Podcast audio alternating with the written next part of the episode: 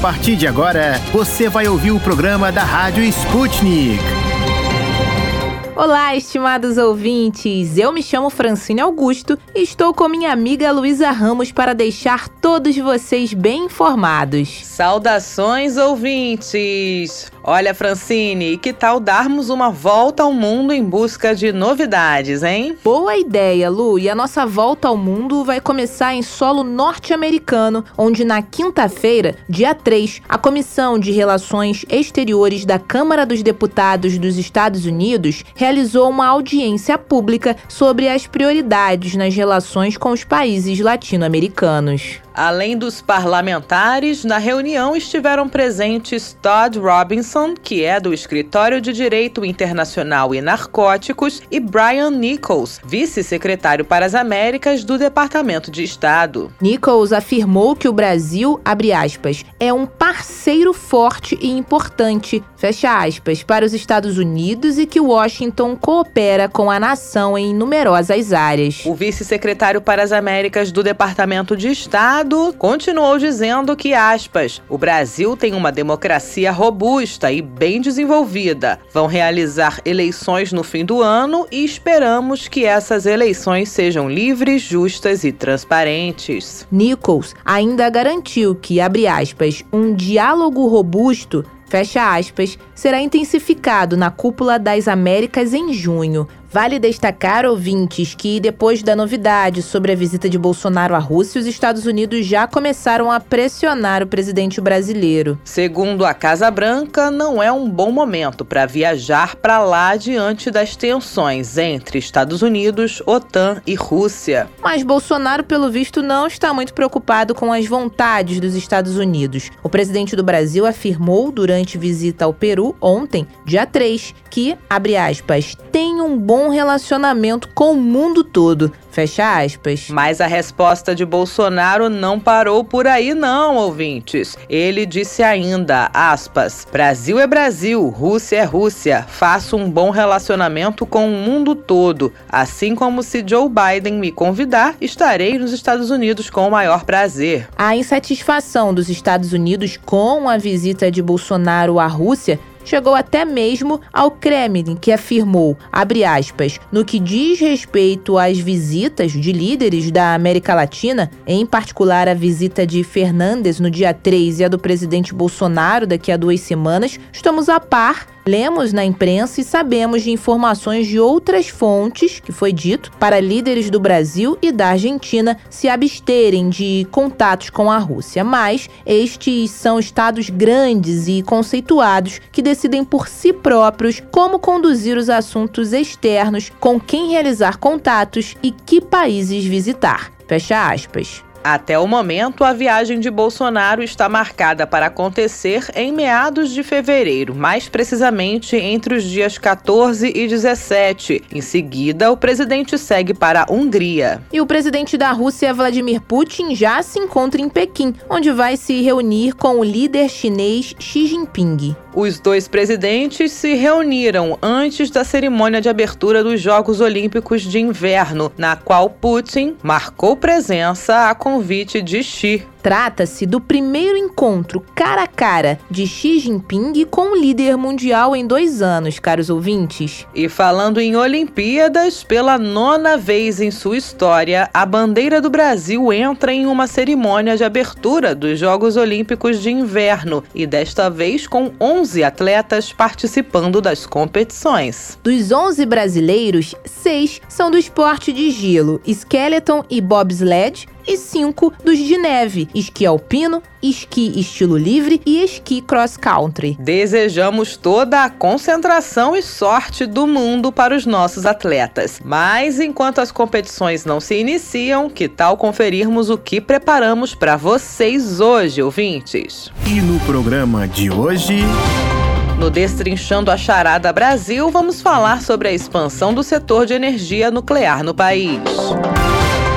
Não esqueceram de mim em Portugal. O inverno de temperaturas atípicas bem acima da média e quase sem chuva que está preocupando vários países europeus.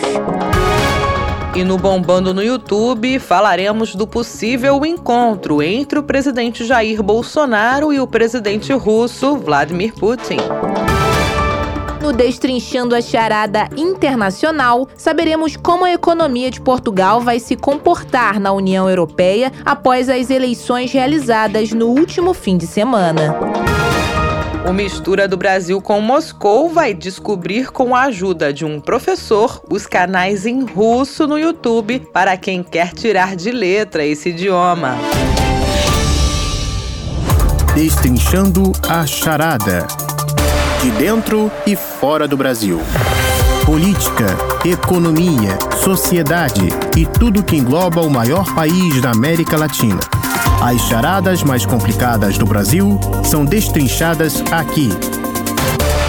Ouvintes! Hoje no Destrinchando a Charada Brasil, o assunto é a expansão do setor de energia nuclear no país. É isso mesmo, Fran. Inclusive, já tem até data prevista para o início das atividades de uma nova usina, além da retomada das obras de Angra 3. Essa promessa de retomada de Angra 3 acontece há 30 anos e até hoje não foi finalizada. É verdade, o projeto começou a sair do papel em 1984, porém foi interrompido inúmeras vezes. Um dos motivos, logo nos primeiros anos da obra, foi a crise econômica que afetou a área de infraestrutura e implicou na desaceleração dos investimentos no setor. Com a construção de mais uma usina até 2031, o governo brasileiro avança para a quarta usina nuclear. Apesar do anúncio da nova usina no ano passado, o plano decenal de energia não indicava exatamente o local da construção. A única indicação é de que ela ficará no Sudeste ou no Centro-Oeste e com capacidade de gerar 1 gigawatt de energia, o suficiente para abastecer uma cidade com um milhão e meio de habitantes. Especialistas avaliam que esta é uma boa contribuição, já que a energia nuclear, além de mais limpa, afeta menos as paisagens e, eventualmente, custa menos. Em outros países, como na França, por exemplo, 75% da matriz energética é nuclear. Algo ainda bem distante do que acontece no Brasil. Por exemplo, a energia nuclear responde por apenas cerca de 3% da geração de eletricidade. Vivendo atualmente a maior crise hídrica dos últimos 90 anos, a geração de energia nuclear seria uma opção para o Brasil. É o que dizem os especialistas do setor. Pois é, e para falar um pouco mais a respeito da necessidade dessa fonte de energia, a gente convida agora o chefe do Departamento de Desenvolvimento de Novos empreendimentos da eletronuclear, o Marcelo Gomes. No Brasil, a eletronuclear é a única empresa a produzir eletricidade a partir da fonte nuclear. Atualmente, ela opera as usinas Angra 1 e Angra 2. Olá, Marcelo. Muito obrigada por conversar com a Rádio Sputnik. Bom, Marcelo, essa nova usina nuclear, além da retomada de Angra 3, podem contribuir em quanto na situação energética do Brasil? A participação da energia nuclear na matriz elétrica brasileira hoje é por volta de 3, 3,5%. No entanto, ela tem se mostrado uma fonte muito importante para garantir a estabilidade do sistema elétrico e para garantir a segurança no suprimento de energia. Isso porque ela está bem próximo dos principais centros de consumo, né? Rio, São Paulo e Belo Horizonte. Então, ela estando aqui bem próximo à carga, ela ajuda muito as usinas nucleares, Angra 1 e Angra 2, ajudam muito na estabilidade do sistema elétrico brasileiro. Vários eventos aí que houve no sistema elétrico que as usinas é, trouxeram segurança do suprimento suficiente para evitar aí um desligamento, um blackout ou algo assim. Então, faz muito sentido falar em uma expansão de geração nuclear no Brasil, claro. E a gente verificou isso aí nesses dois últimos anos, na verdade. Nós tivemos anos de seca, né, de uma média de chuvas muito abaixo do que se vinha da média histórica de afluência nos rios. Com isso, os reservatórios foram ficando vazios e a gente teve a necessidade de despachar energia térmica. Não houve geração eólica, fotovoltaica, enfim, esse tipo de geração, elas são muito interessantes, mas elas não são despacháveis. Você não pode contar com isso na hora que você precisa. Elas estão disponíveis quando tem luz solar, elas estão disponíveis quando você tem vento. Então, você precisa ter alguma base sólida, constante, que garanta ali o suprimento do sistema elétrico. É, isso é a fonte térmica. Infelizmente, por a gente ter poucas nucleares no Brasil, nesse ano aí que a gente passou, a gente teve que usar essas nossas térmicas a gás natural e a óleo, que tem um custo muito alto por causa do custo do combustível. E por isso a gente teve toda essa questão aí de aumento de conta de energia, as bandeiras tarifárias e tudo mais. Se nós tivéssemos mais usinas nucleares, elas estariam operando na base, ajudaria muito, não só nesse momento de pique, mas lá atrás, durante a operação normal do sistema, você estaria economizando água nos reservatórios de forma a poder superar aí alguns anos em que você tem aí uma afluência menor de chuvas, né? Então esse é o papel relevante da usina nuclear no Brasil. Né? Ela ajuda a trazer essa estabilidade, essa constância para o sistema elétrico e com isso você permite a entrada de fontes que não são despacháveis, as fontes intermitentes. Você quando tem uma base sólida, térmica, você permite que entrem as variáveis, como as, as eólicas, as solares, tornando então um sistema muito mais robusto, muito mais estável e com uma segurança de abastecimento muito maior. As fontes de energia são como ingredientes que um chefe vai lançando mão para preparar um prato. Não tem uma que seja melhor ou pior que a outra. Né? Cada uma tem as suas especificidades, as suas características, e elas juntas montam um prato que é o sistema elétrico brasileiro, que é do melhor segurança energética, melhor qualidade de abastecimento e o menor custo para o consumidor final. Essa é a importância importância da energia nuclear no Brasil. Marcelo, para os nossos ouvintes entenderem na prática, quais seriam os benefícios desse aumento da exploração da energia nuclear? O Brasil tem uma das maiores reservas de urânio do mundo. É como se fosse um segundo pré-sal, uma riqueza imensa que precisamos usar para o bem do povo brasileiro. Pegar essa reserva, transformar isso em energia elétrica de qualidade, com bom custo e segura para a população brasileira. Por esse aspecto também, a expansão da geração nuclear é muito importante por criar o mercado e dinamizar, movimentar toda a indústria de exploração e beneficiamento desse combustível. Também um ponto fundamental é que a energia nuclear ela não gera gases de efeito estufa e isso é um fato que está se repercutindo mundialmente. Você já tem na Europa discussões dentro da comunidade europeia justamente visando classificar a energia nuclear como uma energia limpa, por não emitir gases de efeito estufa. Você tem países como a França, que tem uma capacidade muito grande nuclear instalada, tem uma das matrizes elétricas mais limpas do mundo. Esse aspecto está ganhando cada vez mais relevância. Né? Muitos ambientalistas tornaram-se defensores da energia nuclear justamente por causa disso. Percebem o desafio imenso que a gente tem de produzir energia para atender a demanda sempre crescente por eletricidade. Né? A gente está falando aí de transporte elétrico, carro elétrico e melhora de condição de vida e tudo mais. Então você tem uma pressão muito grande por disponibilizar mais energia para a população. E por outro lado, essa energia nova ela não pode ser emissora de gases de efeito estufa, ela não pode agredir o ambiente.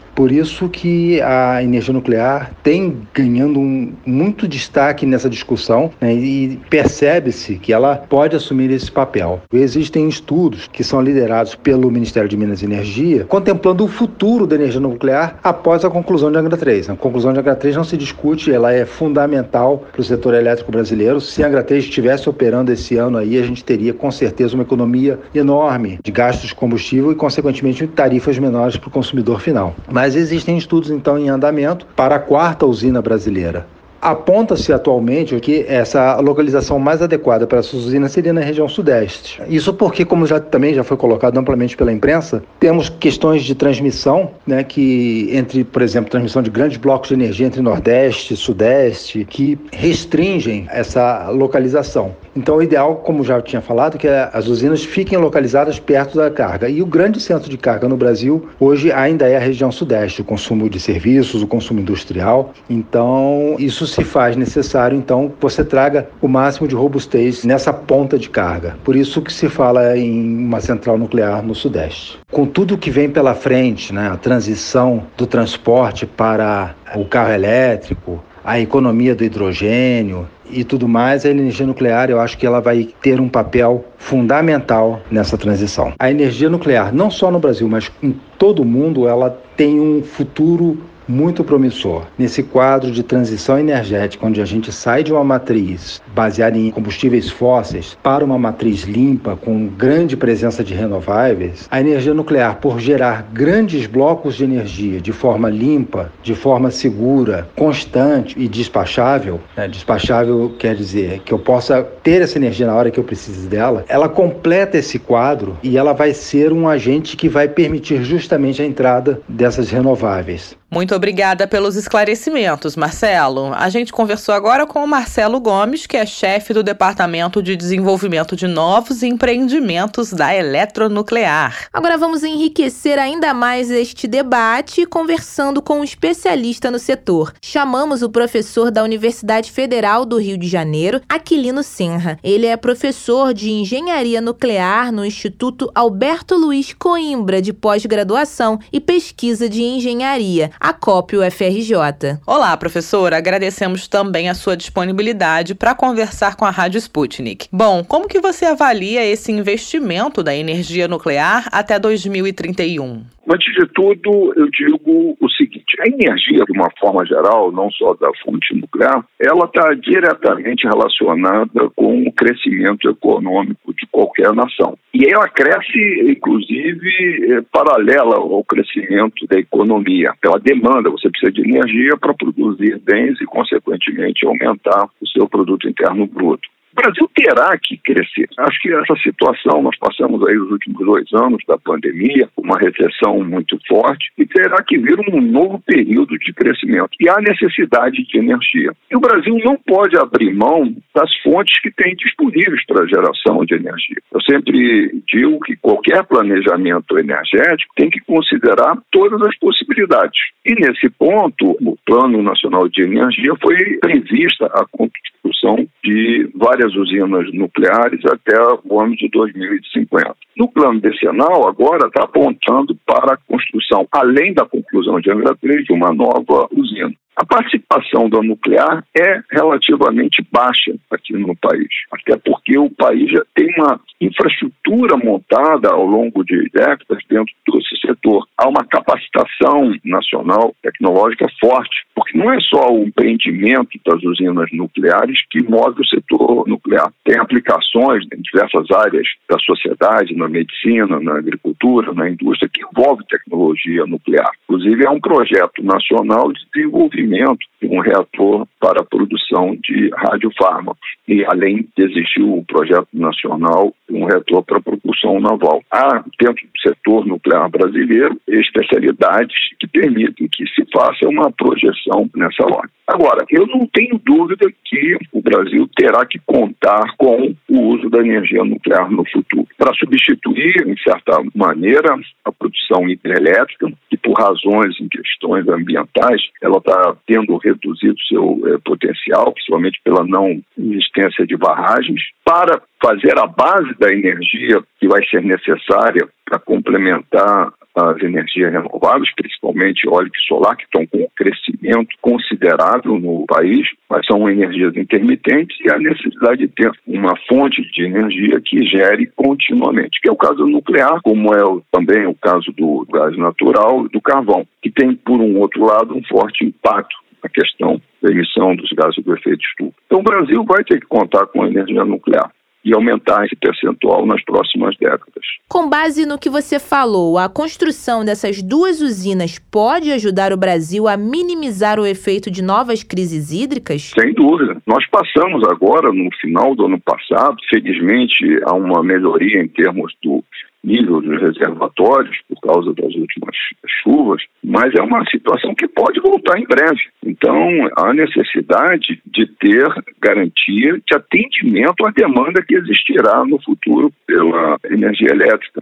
E todo e qualquer investimento dentro das diversas fontes que compõem a matriz energética brasileira, ele necessitará de alguns anos para ter em operação a usina que vai gerar energia. Qualquer uma das fontes. Não dá para imaginar que tem o dinheiro no dia seguinte já tem a energia. Não é assim que funciona. Então tem que haver um planejamento de médio e longo prazo para assegurar instabilidade, porque a pior coisa que possa existir no futuro é haver uma demanda de energia e não tê-la disponível. Bom, professor, então a grande oferta de urânio citada pelo Ministério de Minas e Energia justifica o investimento em usinas nucleares e faz com que o Brasil tenha capacidade para ser um grande produtor de energia nuclear? O Brasil, como eu te disse, tem uma infraestrutura já não é de grande porte, é de pequeno porte, mas muito bem organizado. Tem órgãos de licenciamento para tomar conta da aplicação da energia nuclear do país, tem empresas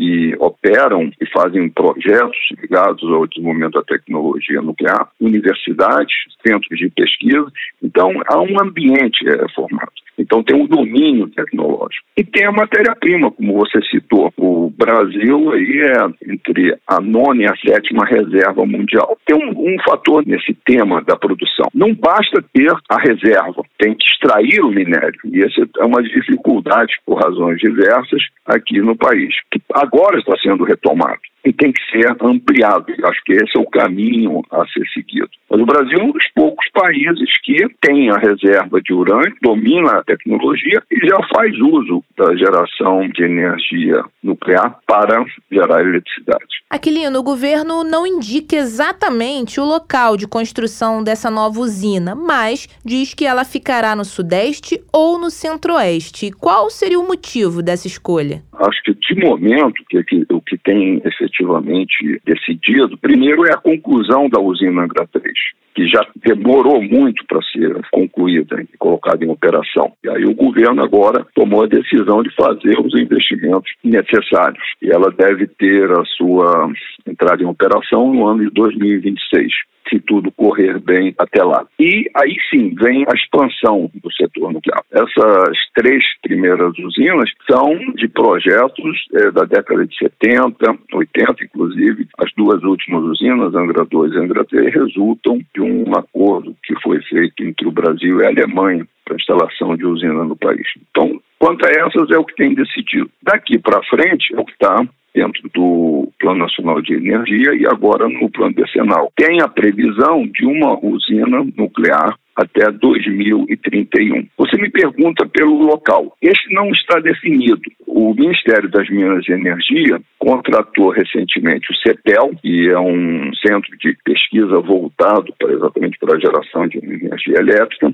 para fazer um estudo com o objetivo de fazer uma pré-seleção de locais onde as usinas nucleares podem ser instaladas.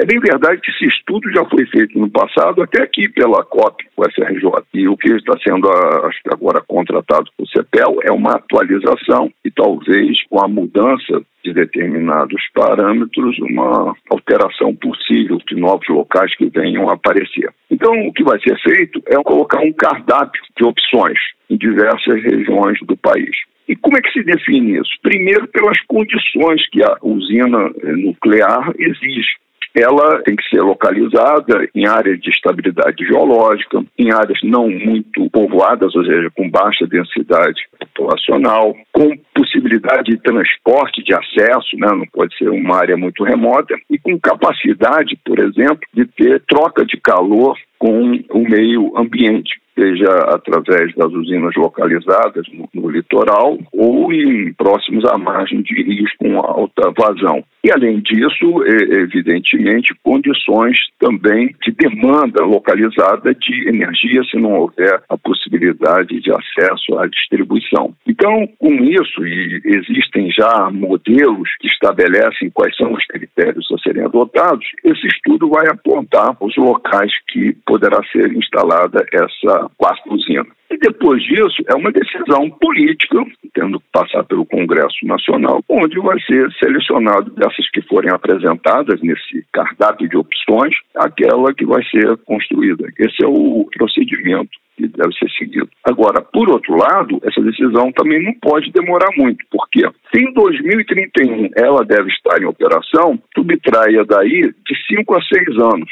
Então, nós estamos falando é, 2025, 2024, alguma coisa em torno disso, teria que já definir plenamente não só o local da construção, mas já dar início, fazer os contratos, fazer as licitações internacionais, ter aprovação junto aos órgãos competentes. Então, o local eu entendo que tem que ser definido no horizonte de, no máximo, no máximo, estourando a partir de hoje, dois anos. Com tantos projetos em andamento, a gente espera para que, de fato, o Brasil possa ter cada vez mais fontes de energia e não passe por problemas de abastecimento. É verdade, Francine. Tomara que cada vez mais haja investimentos e a população seja beneficiada com isso. E, professor, muito obrigada por falar conosco. A gente ouviu o professor de Engenharia Nuclear da COP UFRJ, Aquilino Senra. E o nosso quadro Destrinchando a Charada Brasil de hoje chega ao fim. Até mais.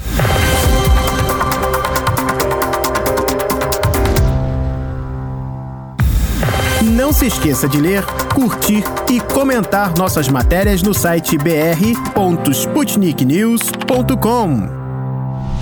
Esqueceram de mim em Portugal. Senhoras e senhores passageiros, apertem os cintos de segurança porque estamos prestes a decolar rumo a Portugal. A tripulação Sputnik Brasil deseja a todos uma ótima viagem.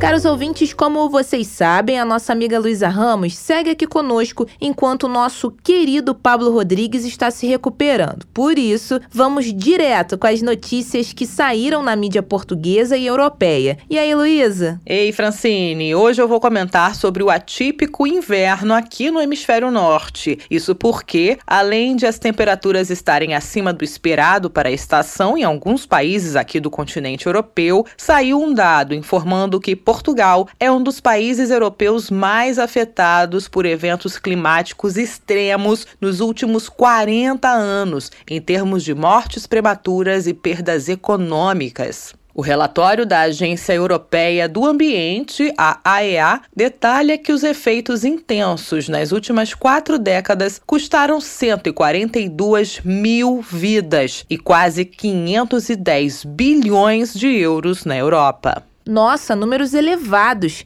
E tanto pelo frio quanto pelo calor, Lu? Quais tipos de eventos esse estudo considera? São, em geral, eventos meteorológicos, como tempestades, hidrológicos, como inundações, ou climatológicos, como ondas de calor, ondas de frio e secas. E em Portugal, Francine e ouvintes, o impacto foi muito significativo. Nesse estudo, uma lista de 32 países europeus foram analisados, e Portugal está no quinto lugar em termos de mortes prematuras, com 9 9.267 perdas humanas no período de 40 anos. Em termos de custos financeiros, o país lusitano teria perdido cerca de impressionantes 13 bilhões de euros, ficando assim em sétimo lugar, sendo que 478 milhões de euros foram só em perdas abrangidas por pagamentos de seguros. Nossa, isso aciona o alerta principalmente para nossos governantes de que as alterações no clima também afetam o bolso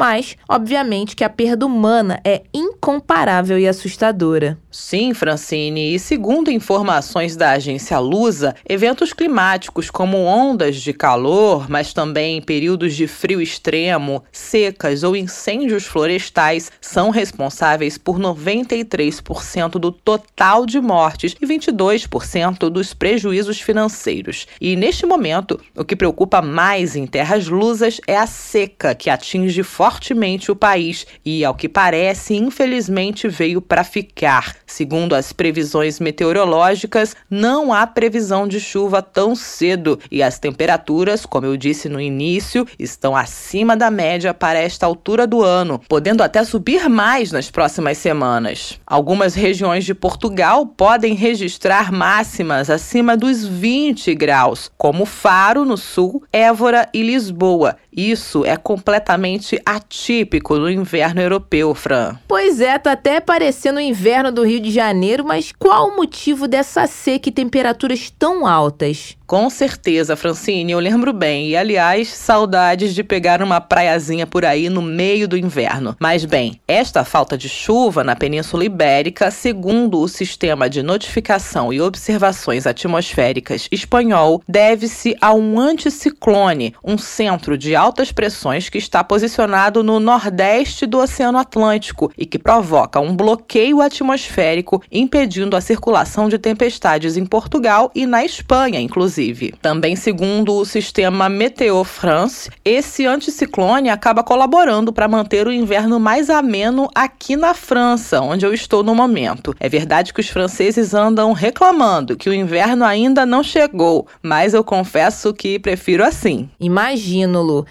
Carioca que é carioca de verdade não gosta de dias nublados nem de temperaturas negativas. Mas não posso comemorar muito não, Fran. Os períodos de frio mais severos na França normalmente ocorrem no início do mês, mas eu li na Meteo France que não se pode descartar completamente um episódio de frio mais forte no final de fevereiro. E também porque a ausência de precipitação e raras previsões de chuva não são um bom presságio em termos de secura do solo por aqui aqui também. Fenômeno negativo com o qual Portugal sofre neste momento. Ai, ai, ai, que corda bamba. A verdade é que estudos como estes são importantes para que sejam tomadas medidas que protejam as pessoas e o planeta destas mudanças climáticas bruscas. Obrigada, Lur, por trazer notícias europeias para nós aqui no programa.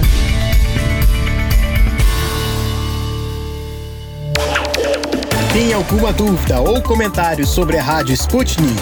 Você pode entrar em contato com a gente através do e-mail radio.br@sputniknews.com. Bombando no YouTube.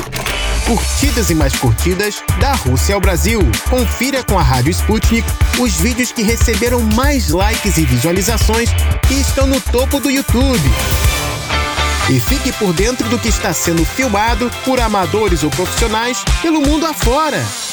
Sextou e a partir de agora a gente fica por dentro dos cinco vídeos mais curtidos e visualizados no YouTube, caros ouvintes. Para isso, chamamos o Tito da Silva. É ele quem vai contar as novidades do YouTube diretamente da redação da Sputnik Brasil em Moscou. Oi, Tito. Olá, queridos amigos da Rádio Sputnik. Eu sou Tito da Silva e estes são os vídeos que estão bombando no YouTube nesta sexta-feira, 4 de fevereiro. No primeiro vídeo de hoje, o presidente Jair Bolsonaro reafirmou uma posição neutra diante as tensões entre o Ocidente e a Rússia e, Enquanto sofre pressão norte-americana para cancelar sua viagem à Rússia, disse que caso fosse convidado pelo presidente norte-americano Joe Biden, também iria aos Estados Unidos. Bolsonaro se prepara para encontrar-se com o presidente russo Vladimir Putin neste fevereiro para discutir assuntos de interesse comum entre os países. Para assistir à fala de Bolsonaro, é só digitar Bolsonaro assume posição neutra e diz que se Biden o convidar, ele irá aos Estados Unidos. E no segundo vídeo de hoje, o líder do Daesh, também conhecido como Estado Islâmico, morreu durante uma operação militar dos Estados Unidos na província de Idlib, na Síria. Segundo Washington, o terrorista havia se detonado quando percebeu a aproximação dos militares norte-americanos e também matou membros de sua família, incluindo crianças. Para os Estados Unidos, a operação, que foi realizada também com um helicóptero que apresentou problemas técnicos e acabou sendo destruído no local, foi um sucesso. Para mais detalhes, digite assim: líder do Daesh morre durante ataque dos Estados Unidos na Síria. E no terceiro vídeo de hoje, pesquisadores australianos afirmam ter encontrado o navio Endeavour utilizado pelo famoso explorador britânico, o capitão James Cook, durante sua histórica viagem à Oceania entre 1768 e 1771. Restos de um navio antigo foram encontrados próximo do litoral de Rhode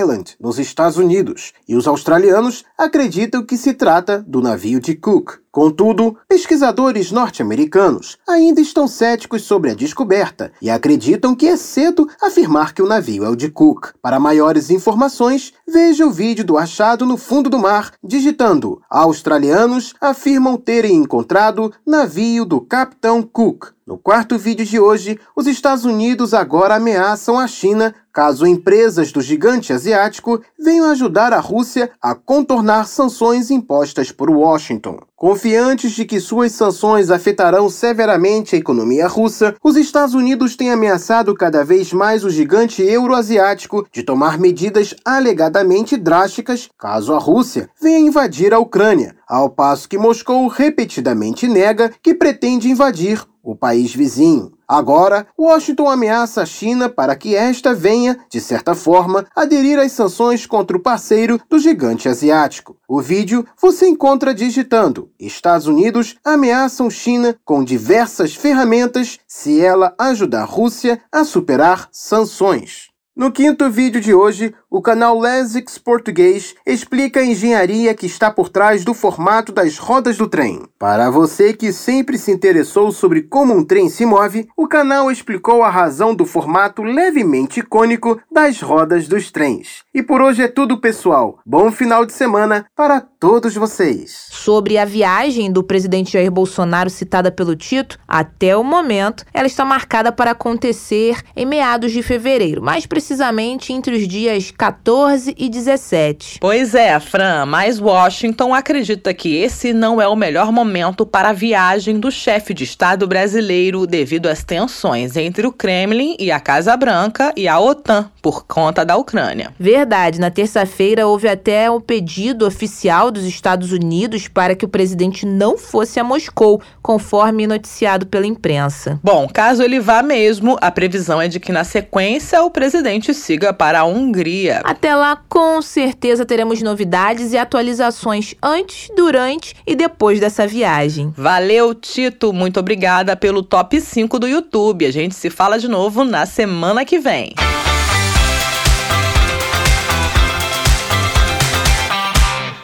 Está à procura de notícias com outros pontos de vista e posicionamentos? Curta nossa página no Facebook. É só digitar Sputnik Brasil na busca do Facebook e deixar sua curtida. Destrinchando a charada. Encruzilhada Internacional. Relações políticas, socioeconômicas e muito mais entre as nações deste mundão. Da Rússia aos Estados Unidos. Encontre com a gente as respostas às perguntas do momento. Estimados ouvintes, como sabemos, no último domingo, dia 30 de janeiro, os portugueses foram às urnas de forma antecipada após uma rara situação de orçamento chumbado, ou seja, rejeitado pelo parlamento. Portugal poderia escolher um novo primeiro-ministro. No entanto, a população optou pelo velho conhecido e manteve Antônio Costa do Partido Socialista, PS, no poder e agora em seu terceiro mandato. Apesar de Costa ter sido reeleito com maioria absoluta, o pleito foi chamado de surpreendente pela mídia local. Sem mais delonga, nós aqui na Sputnik Brasil queremos sempre entender os motivos e, para isso, convidamos hoje um especialista lá de Portugal para saber o que norteou a população nessa escolha e como ficará o orçamento para 2022. Temos a honra de falar hoje com José Joaquim Reis, professor catedrático da Faculdade de Economia da Universidade de Coimbra, coordenador do Observatório sobre Crises e Alternativas do Centro de Estudos Sociais e autor do livro Os Espaços da Indústria, a Regulação Econômica e o Desenvolvimento Local em Portugal. Seja muito bem-vindo mais uma vez por aqui, José Reis. Agradecemos a sua disponibilidade. Bom, professor, as pesquisas pré-eleitorais não apontavam Antônio Costa e o PS como favoritos. Pelo contrário, né? Ao longo da campanha, a sigla havia perdido a maior parte de sua vantagem eleitoral. Podemos dizer que as bases antigas acabaram se reestabelecendo e se fortalecendo com a reeleição de Antônio Costa em Portugal? Exatamente. Creio que essa é a leitura. Na verdade, o povo português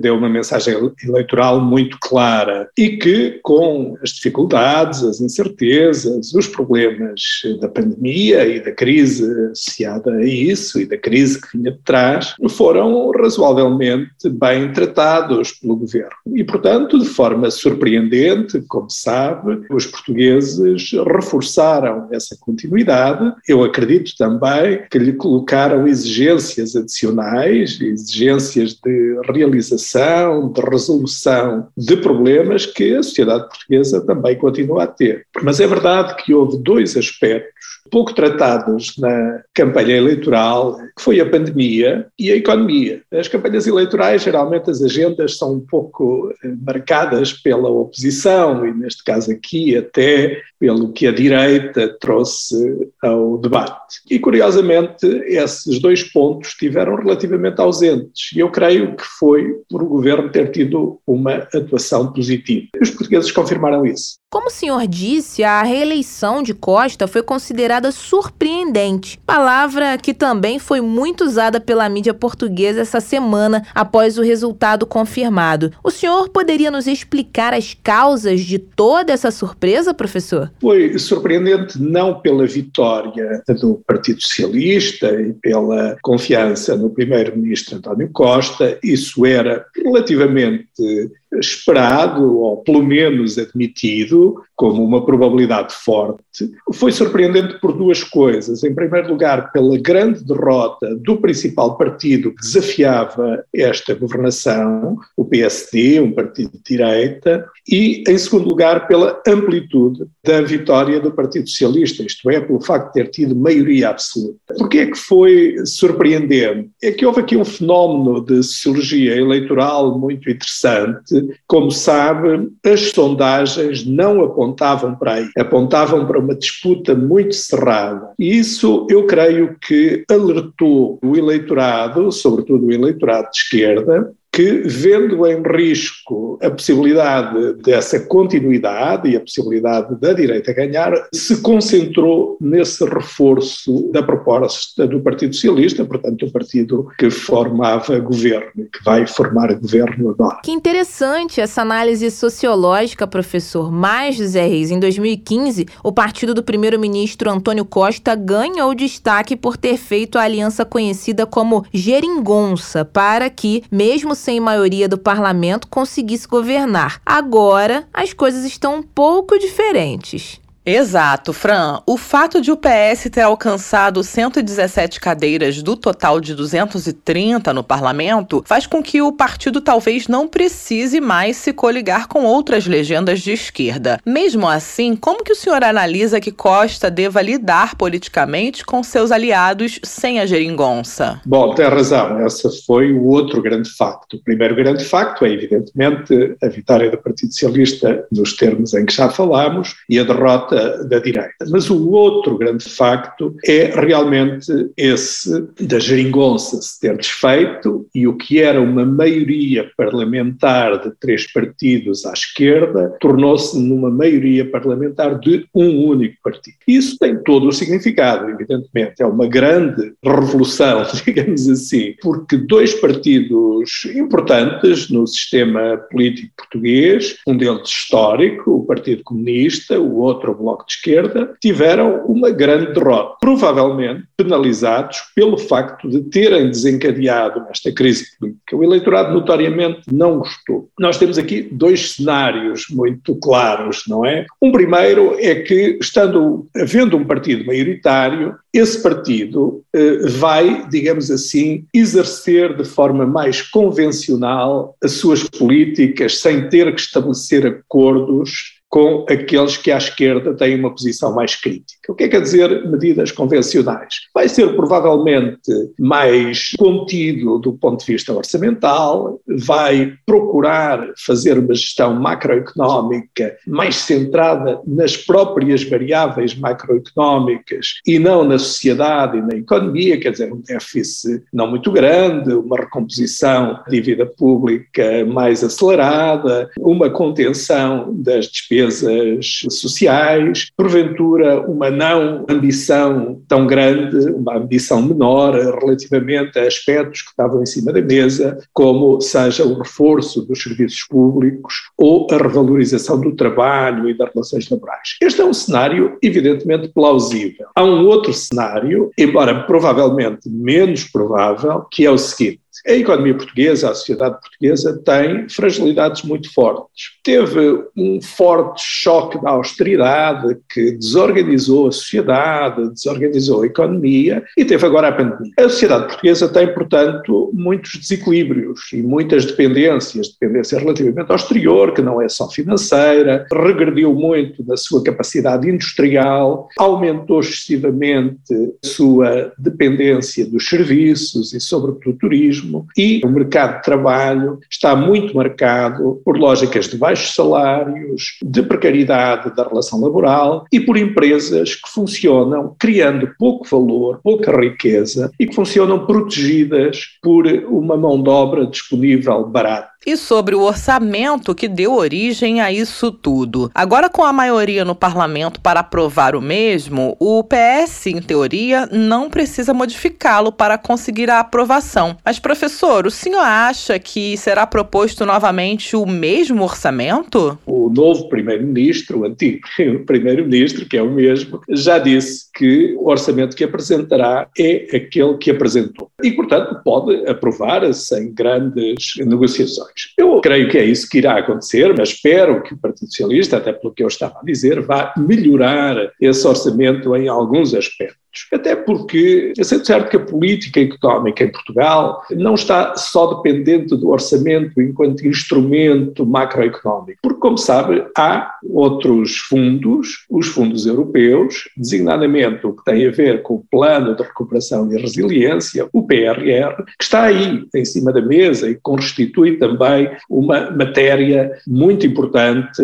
de intervenção na economia, na sociedade e com recursos muito significativos que aí estão disponíveis. Portanto, eu acredito que essas duas coisas podem conjugar-se, podem equilibrar-se e dar alguma folga para a melhoria do próprio orçamento. Portanto, eu creio que o orçamento vai ser aquele que conhecemos, vai ser talvez melhorado por estas circunstâncias políticas e também eh, de eu achar e desejar, é verdade, que o Partido Socialista assuma ele próprio algumas das questões de uma agenda mais progressista em termos sociais, em termos económicos. Portanto, há pequenas alterações, com certeza, que podem acontecer e há esta conjugação dos dois instrumentos, do orçamento e do PRR. E, portanto, eu creio que no fim deste trimestre as coisas estarão, pelo menos, em, pleno, em plena organização e desenvolvimento do ponto de vista orçamental. Aproveitando que o senhor falou de equilíbrio de importações e exportações, sabemos que o bloco europeu e a China são hoje os maiores parceiros comerciais de Portugal. Como que a economia portuguesa se posiciona atualmente na zona do euro, professor? Dá para estimar alguma melhoria? Dentro da zona do euro propriamente, o que condiciona e o que caracteriza a economia portuguesa é muito o facto dela ser uma economia endividada perante o exterior. Isso não acontecia historicamente na economia portuguesa, esse nível era um nível razoável, mas com a austeridade e depois com a pandemia, naturalmente isso alterou-se muito fortemente. Como sabe, houve aí um papel importante, que foi o papel do Banco Central Europeu, que estabilizou os chamados mercados financeiros, que na verdade não são mercados, são zonas de especulação financeira, e hoje basta dizer que uma boa metade da dívida pública, eu estava a falar da dívida externa do país no seu conjunto, não apenas da dívida pública, mas falando aí da dívida pública, uma boa parte, ela é eh, titulada, digamos, o credor é o Banco Central Europeu, Europeu ou outras instituições, e isso dá alguma folga, de alguma maneira, à gestão macroeconómica. O que é que o país precisa na zona euro? Precisa de ser um país que consiga equilibrar a sua balança, mas que passe a fazê-lo de forma saudável, como há bocado estava a fazer, estávamos a falar. O investimento direto estrangeiro na economia portuguesa aumentou e isso é bom, mas aumentou em certas áreas em que não é bom. Muito desse investimento está relacionado com a aquisição de imobiliário e não com a criação ou aquisição de empresas, investidores em Portugal. E isso deslocou muito, digamos assim, a relação da posição da economia portuguesa na União Europeia. A economia portuguesa precisa de ser, na União Europeia, uma economia que reforça a sua capacidade produtiva e não que depende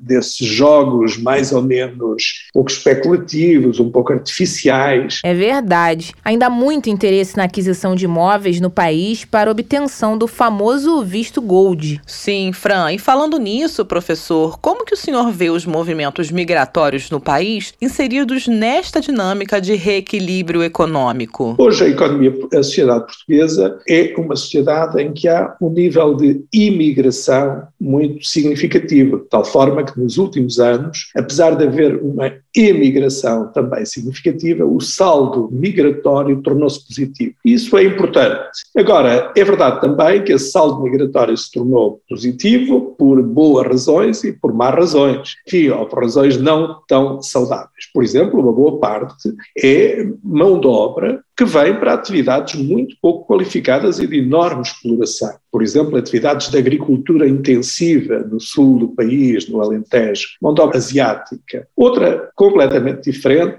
são pessoas que vêm para viver a sua reforma no Algarve, ao Sol. Tudo isso é, esta última parte, sobretudo, com certeza, isso é positivo. A economia tem que ser, a economia portuguesa na zona euro, como sabe, a quase totalidade das exportações portuguesas ocorrem dentro da zona euro, da União Europeia, de forma mais geral. Eu acho que dentro da União Europeia a economia portuguesa precisa de ser uma economia que reequilibre a sua posição, que a reequilibre através de uma capacidade produtiva reforçada que não a torne dependente destes mecanismos mais artificiais e mais fáceis, digamos assim, de relacionamento económico exterior. É isso. Agradecemos muito pela sua participação e análises. José Reis, professor catedrático da Faculdade de Economia da Universidade de Coimbra. O texto desta entrevista, que foi produzida pela Luísa Ramos e editado por Yasmin Scali, está no nosso site sob o título Ao verem que direita poderia ganhar, portugueses reforçaram votos e deram vitória ao PS. Vocês podem ler na íntegra por lá, opinar e interagir. O site é br.sputniknews.com. Nosso Destrinchando a Charada Internacional fica por aqui, caros ouvintes. Até a próxima.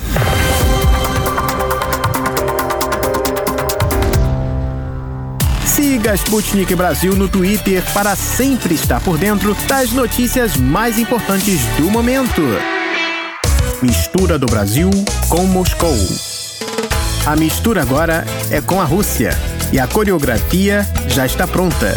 Com os gingados russos e brasileiros, as relações estão em sintonia entre estes dois gigantes.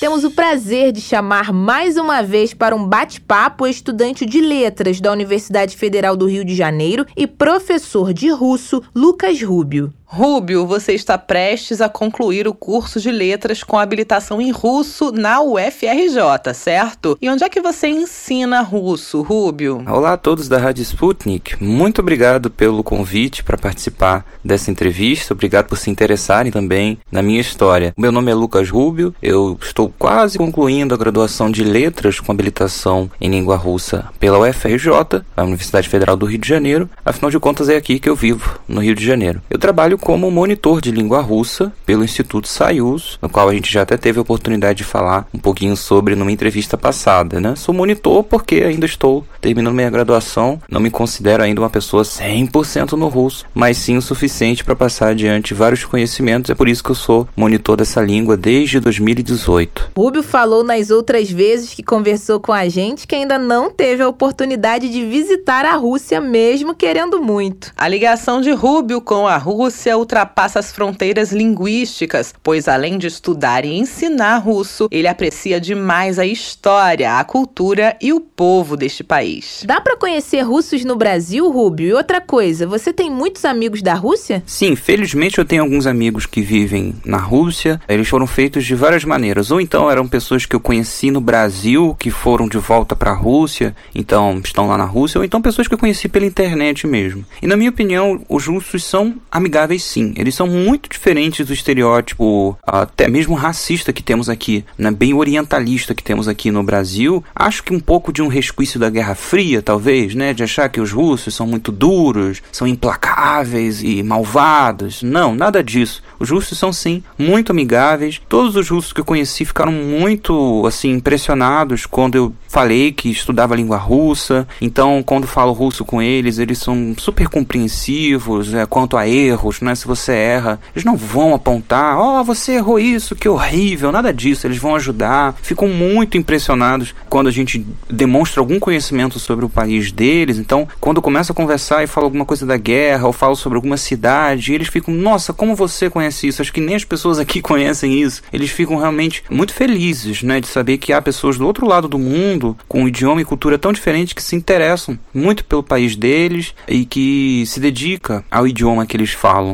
Então são pessoas sim muito amigáveis, né? Claro, assim como qualquer pessoa, acho que diferente dos brasileiros, mas como qualquer pessoa no mundo, você precisa ter um, um, um momento inicial, né, um pequeno nível assim de formalidade, mas um pouco depois que você conhece a pessoa já se torna uma relação muito interessante. Já recebi até mesmo presentes que me enviaram de lá para cá, muitos incentivos, incentivos para continuar estudando, incentivos para ultrapassar dificuldades. Então, eu diria que a grande maioria dos russos que eu conheço, tenho contato e considero amigos, são pessoas sim muito amigáveis, muito especiais e com características únicas, né, que fazem ser um povo tão interessante e sobre o qual eu creio que nós brasileiros deveríamos conhecer e nos sentir muito mais próximos do que distantes. Não é a primeira vez que ouço que quando os russos se sentem confortáveis com alguém, aí sim uma relação de amizade é possível. E os amigos de Rubio mandam presentes para ele lá da Rússia, gente.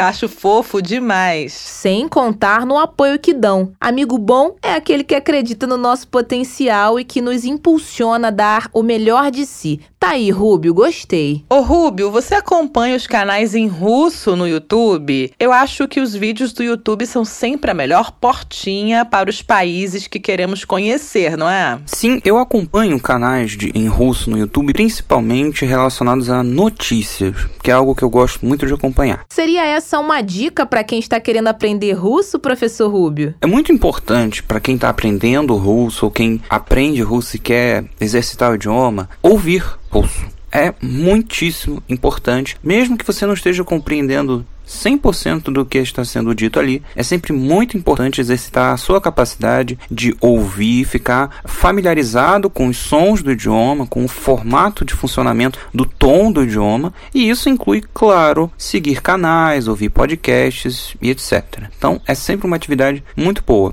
E quais seriam os canais que você recomendaria para os nossos ouvintes que querem aprender ou praticar a língua russa? Eu vou até anotar suas dicas, porque eu acho que chegou a hora de eu falar russo também, professor. Eu gosto de seguir no YouTube, como eu já disse, os canais de notícia, e os dois principais que eu sigo são o Piervi Canal, que é algo como o canal número 1 um, ou primeiro canal, que é a TV estatal da Rússia. Eles publicam no YouTube várias das programações que eles fazem na TV, eles colocam direto no YouTube. E também a bem famosa RT. É muito comum, assim, as pessoas conhecem, ela tem vários idiomas, tem espanhol, inglês, árabe e vários outros. E no russo é bem legal, é só pesquisar RT na Ruscom que você vai achar lá no YouTube. RT Pervi Canal. São as minhas duas dicas para quem quer aprender o idioma russo, exercitar o idioma russo e também ficar atualizado com notícias de várias, várias áreas. Até porque, diga-se de passagem, a imprensa russa cobre muitas partes que no Brasil geralmente não temos, principalmente relacionada à política internacional. Então, muitas das vezes a gente fica aqui sedento por saber situação da Síria, no Oriente Médio, até mesmo América Latina, e você não encontra na mídia brasileira, mas encontra na mídia russa com uma cobertura muito boa, às vezes de viva pessoa, né? Repórteres que estão nos campos de batalha ou até mesmo nos lugares de onde estão escrevendo, e isso é muito, muito bom.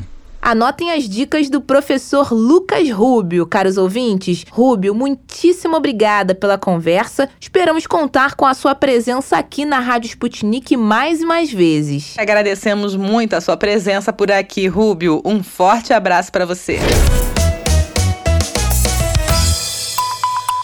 Para ficar por dentro de todas as novidades, tanto mundiais como brasileiras, se inscreva no nosso canal do Telegram. É muito simples. É só você escrever Sputnik Brasil na busca do Telegram e se inscrever para receber as notificações. Hora de dar tchau.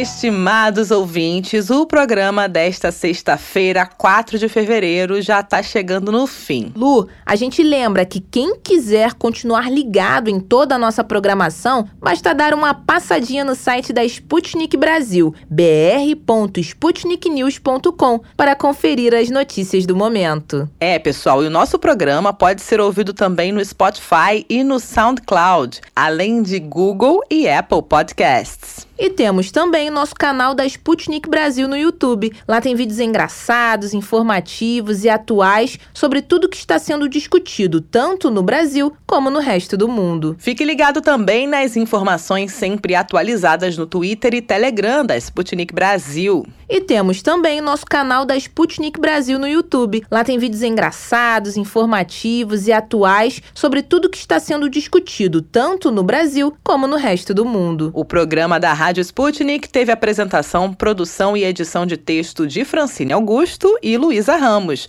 produção de conteúdos e edição de texto de Tito da Silva e Pablo Rodrigues. A edição e a montagem do programa são de Wellington Vieira e David Costa. A produção geral no Rio de Janeiro é de Everton Maia e Angélica Fontela. E o editor-chefe da redação da Sputnik Brasil no Rio de Janeiro é Renan Lúcio e em Moscou, Konstantin Kuznetsov.